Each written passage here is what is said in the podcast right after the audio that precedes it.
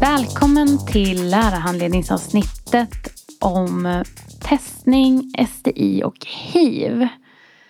Och jag ser gärna att man gör den här undervisningen i samarbete med elevhälsan. Har ni en skolsköterska, bjud in den. Har ni skolkurator, toppen, bjud in den också. Låt den vara en del av undervisningen. Och se till att besöka ert lokala, er lokala ungdomsmottagning. Det är en väldigt bra tröskelgrej att gå dit tillsammans. För det gör att alla vet vart det ligger. Och eh, det är en vanlig sån fundering vi får. Jag vet inte vart min ungdomsmottagning ligger. Och då kan man ju göra den lite grann. Få ett bra studiebesök där man också filar lite trösklar. Men att man också faktiskt har visat handgripligen vart det ligger. Ja, och att man är på ungdomsmottagningen bidrar ju till att normalisera att man går dit och att det inte behöver vara någonting läskigt utan att det också kan vara en helt vanlig grej man behöver göra ibland. Vi vet att personer som identifierar sig som tjejer oftast har en mer pågående relation med ungdomsmottagningen. Det kan ha att göra med p-piller och lite sådana saker. Preventivmedel av olika slag. Men det är vanligare att tjejer går dit. Det är lite mindre vanligt att killar går dit. Så går man till ungdomsmottagningen så tycker jag att det kan vara värt att fråga om de har separatistiska tider. Om de har killtider, om de har transtider. Ja, eller transtider är ju inte nödvändigt tänker jag. Utan många ungdomsmottagningar har ju tjejtider och har killtider. Men det är också jätteviktigt att det finns en allmän tid. Mm. För att jag tänker så här, transtid, för en del så kan transtid eller en hbtq-specifik mottagning ser vi samma saker kring att för en del så är det en sänkt tröskel för att överhuvudtaget kunna gå till ungdomsmottagningen så är det att men det finns en specifik tid. För andra så är det så att man skulle absolut inte gå till en hbtq-mottagning eller gå på en specifik transtid på ungdomsmottagningen för att det i sig skulle göra att andra kan förstå. Ja, det kan vara en outning. Men en del ungdomsmottagningar har transtider.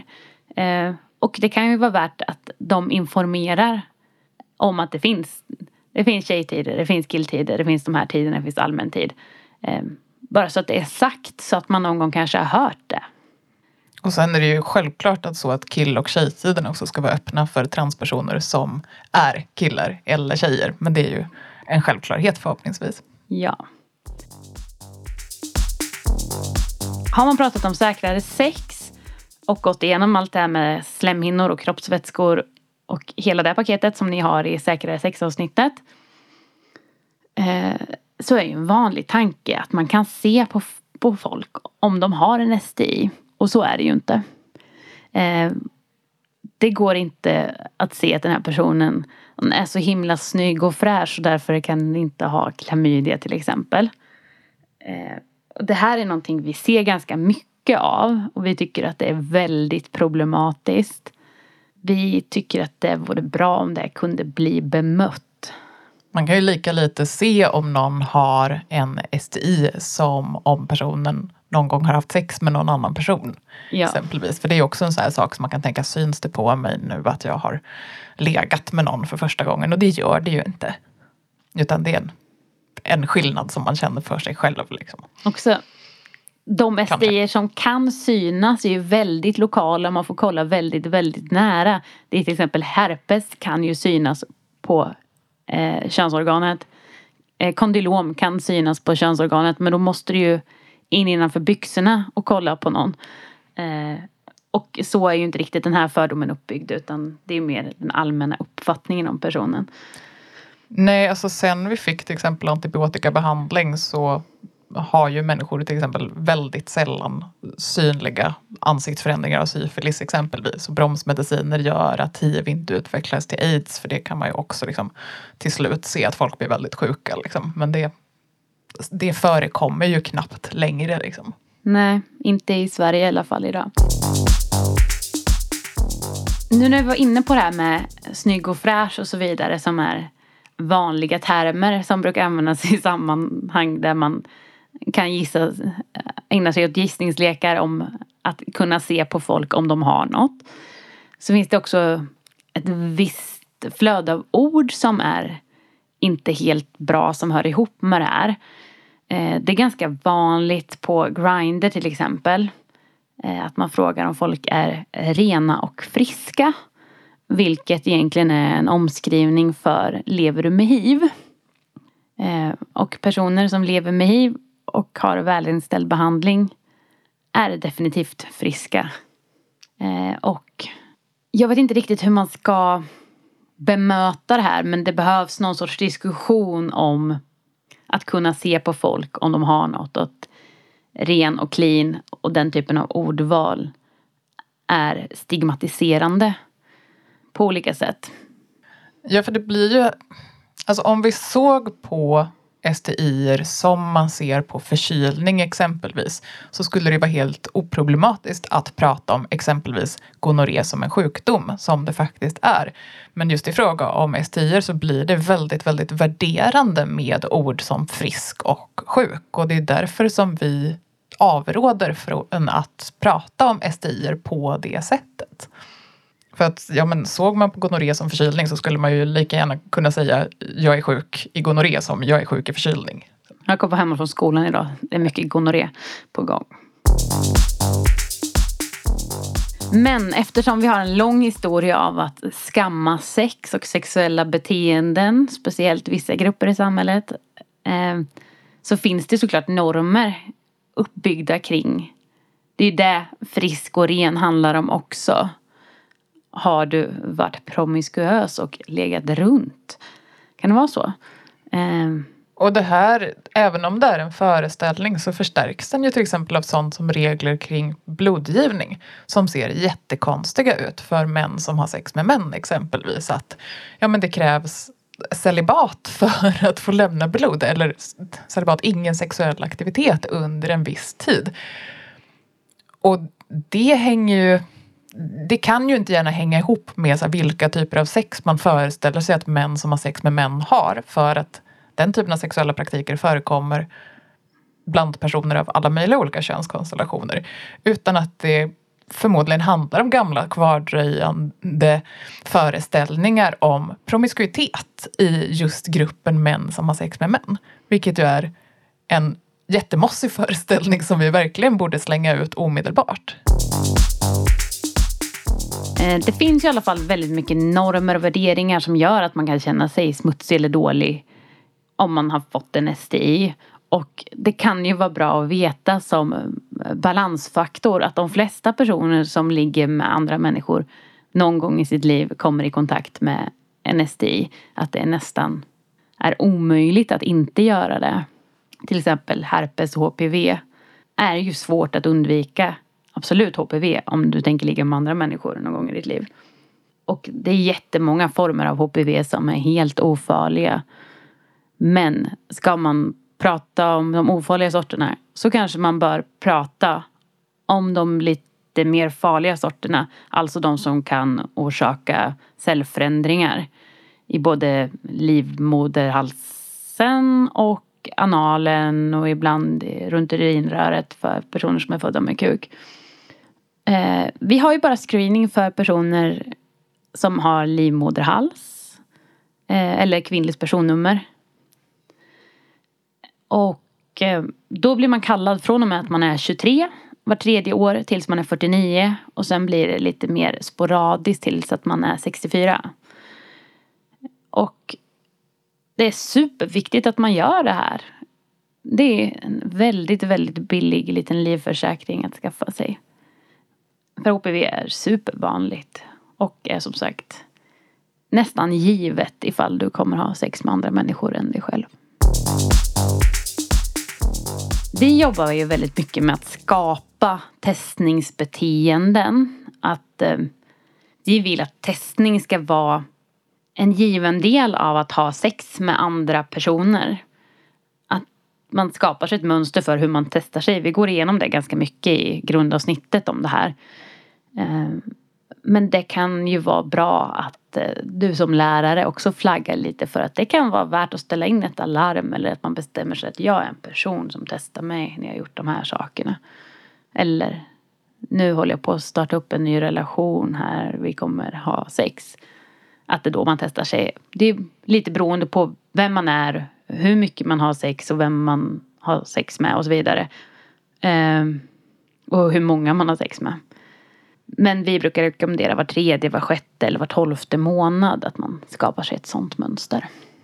Man får också testa sig hur ofta man vill. Och eh, för de sjukdomarna som är med i smittskyddslagen, alltså klamydia, gonorré, syfilis och hiv, så är både testning och behandling gratis. Det tycker jag också att man ska trycka på.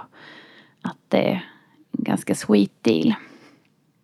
Och testning är ju, att ha en testningsrutin är en del av att ha säkrare sex. Nu har vi gått igenom andra typer av säkrare sex. Att man kan ha barriärskydd, alltså kondom eller inidom. Man kan undvika kontakt mellan slemhinnor. Man kan undvika att det kommer kroppsvätskor på slemhinnor. Man kan ha sexpraktiker som i sig är säkrare. Men just trycka på det här med att testningsrutin är en del av säkrare sex. För man vet också att i de allra flesta fall där en STI överförs så är det för att personen som STI kommer ifrån inte vet att han har den. Exakt. Eh, och det här kanske är någonting som ungdomsmottagningen går igenom. Men om inte de gör det så fyll på med den här informationen. Att eh, testningsbeteende är en bra sak att skaffa sig. När man ändå är igång och pratar om testningsbeteende så tycker jag det är viktigt att prata om att det är ett ansvarsfullt beteende. Att det är att ta ansvar för sig själv. Och det är att ta ansvar för och visa hänsyn för dem man har sex med. Och också då påminna om vikten av korrekt testning. Man måste testa sig på de slemhinnor man har haft sex på. Och man måste ta blodprovet. Ja, och göra ett urinprov. Och det här är tyvärr någonting som man själv när man går och testar sig behöver ha koll på för att det inte alltid görs korrekt. Och så ska det naturligtvis inte behöva vara.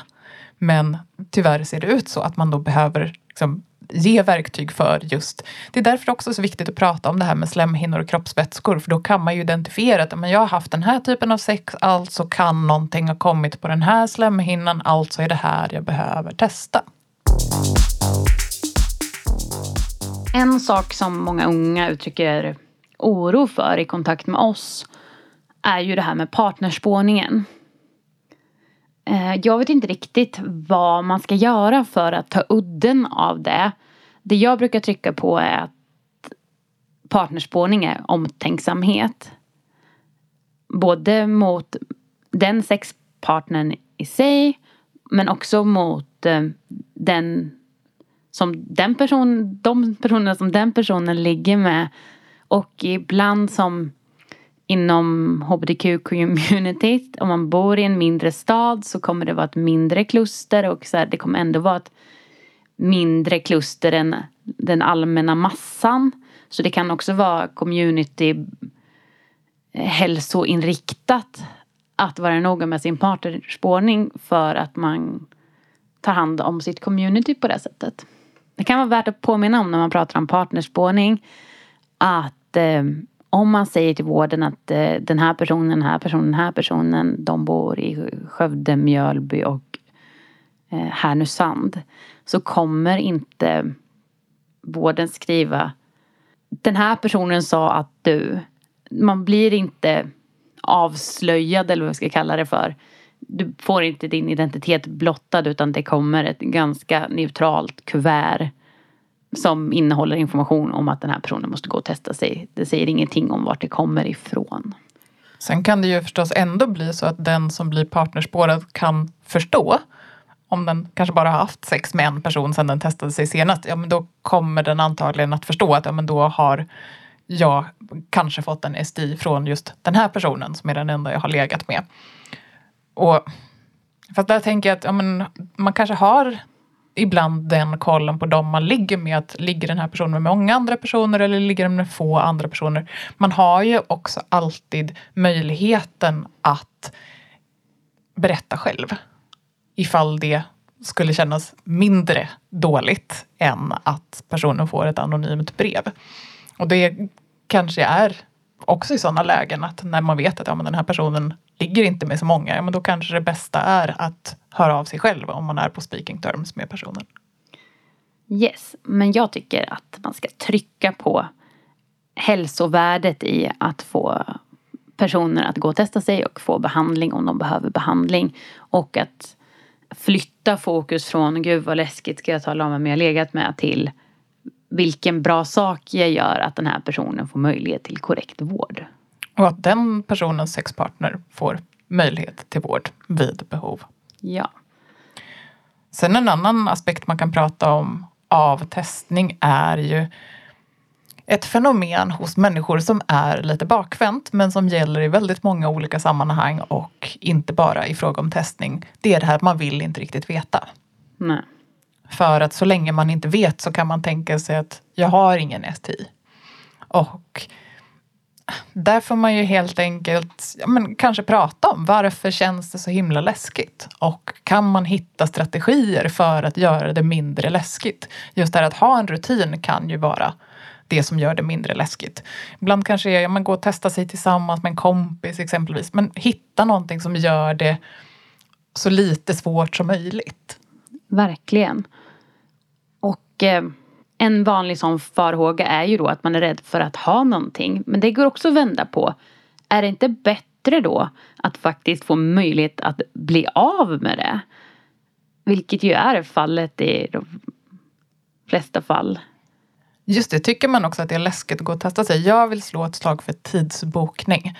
Som ofta, ofta har ju ungdomsmottagningar till exempel drop-in. Många har också tidsbokning via nätet. Om man liksom vill minimera tiden som man är i väntrummet potentiellt tillsammans med andra människor. Boka en tid. Ja. Eh, och eh, det här med hemtest är ju lite svårt. Jag tycker elever ska känna till att hemtest finns. Men jag tycker också att det är viktigt att man känner till att det är inte tops till alla. Eh, det är inte tillräckligt många tops för någon. Eller beroende på vilken typ av sex man har haft. Har man Ja. enbart haft omslutande vaginalsex så är ju hemtest utmärkt. Ja. Men det är ju lite svårt för de som skickar ut proven att veta vilken typ av sex de de skickar ut testerna till har haft. Så därför vore det bra med lite fler tops i kitten. Men jag tycker definitivt att man ska få veta att hemtest finns. Att de går att beställa på 1177. Att man kan logga in med sitt bank-id om man har ett sånt. Jag tycker också att man ska prata om att det finns en del testning utanför vården. Utöver hemtest så finns det i RFSLs regi Eh, och i Noaks Arks regi testning utanför vården på en del ställen i Sverige. Och då testar man bara för hiv och syfilis med snabbtest, alltså stick i fingret test. Och det kan vara bra att känna till att det finns och det är helt anonymt också.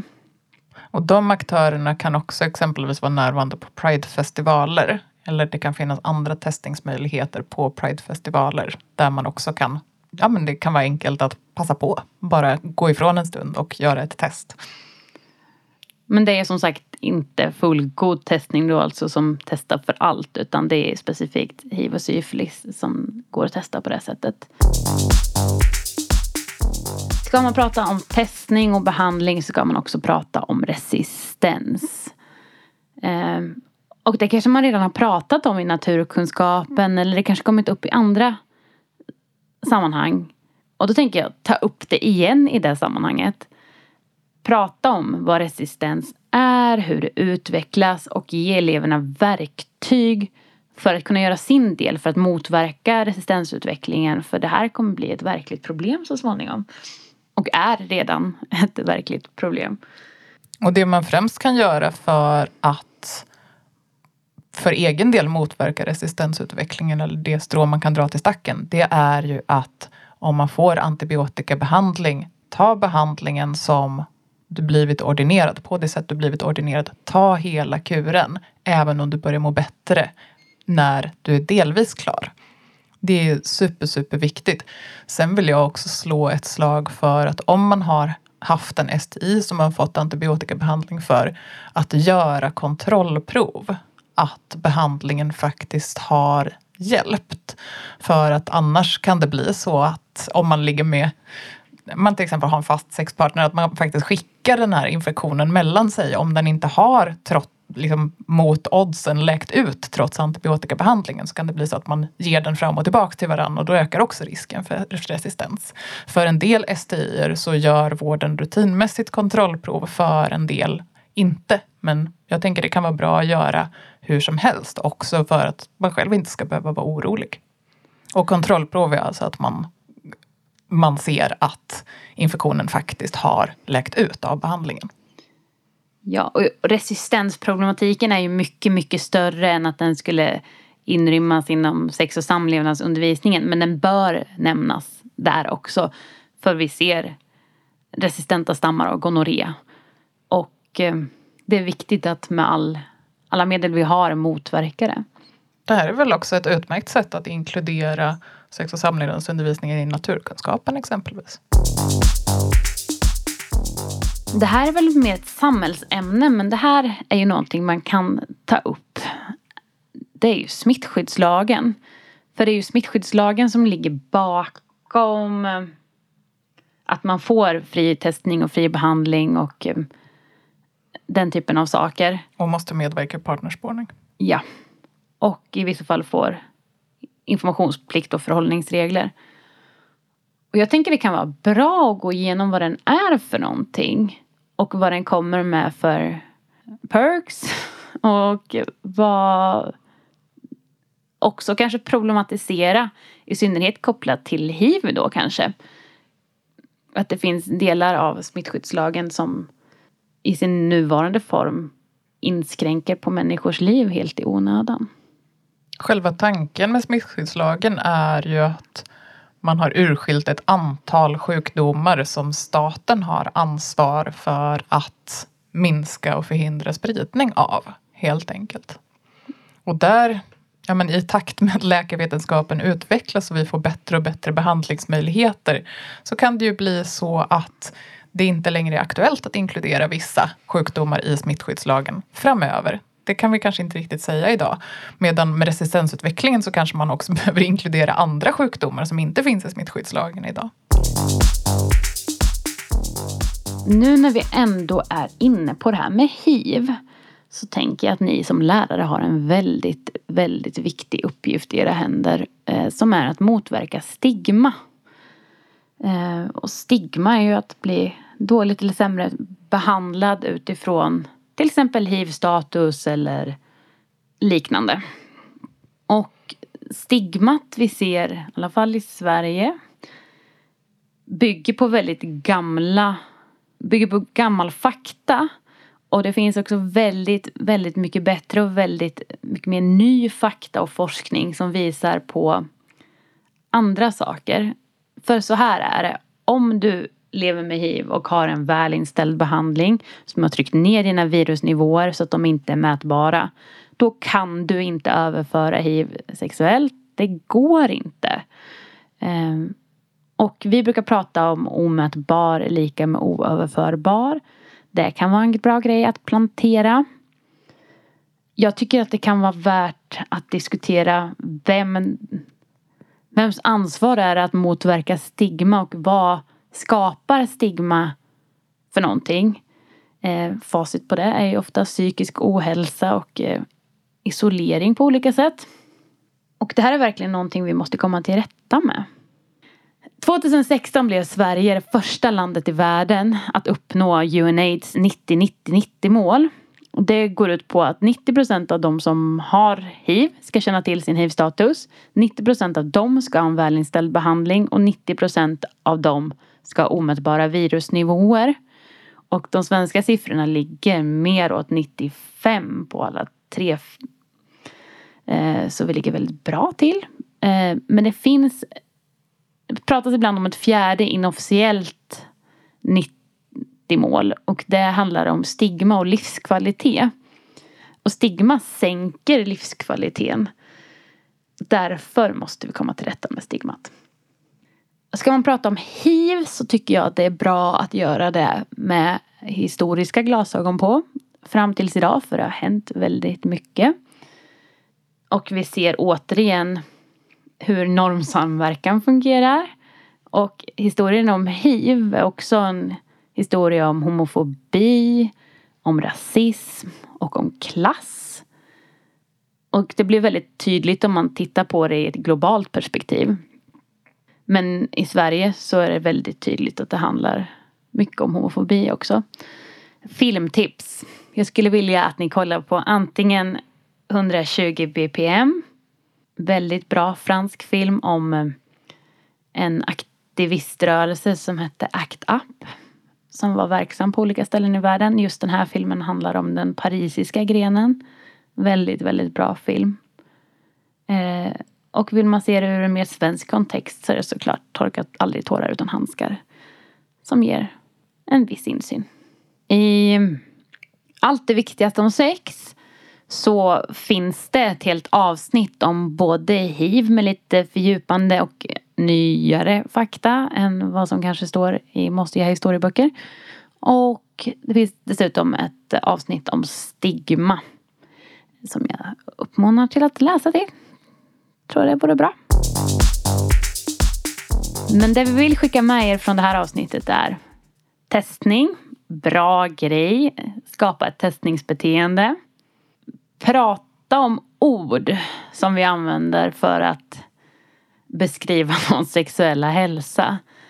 Och prata om varför de är problematiska. Prata om cellprovtagning. Superviktigt. Prata om resistens. Och jobba lite grann med stigma. Så det var allt för det här lilla avsnittet och ni får såklart alltid gärna kontakta oss på sexrfslungdom.se. Tack vi. Tack Malin.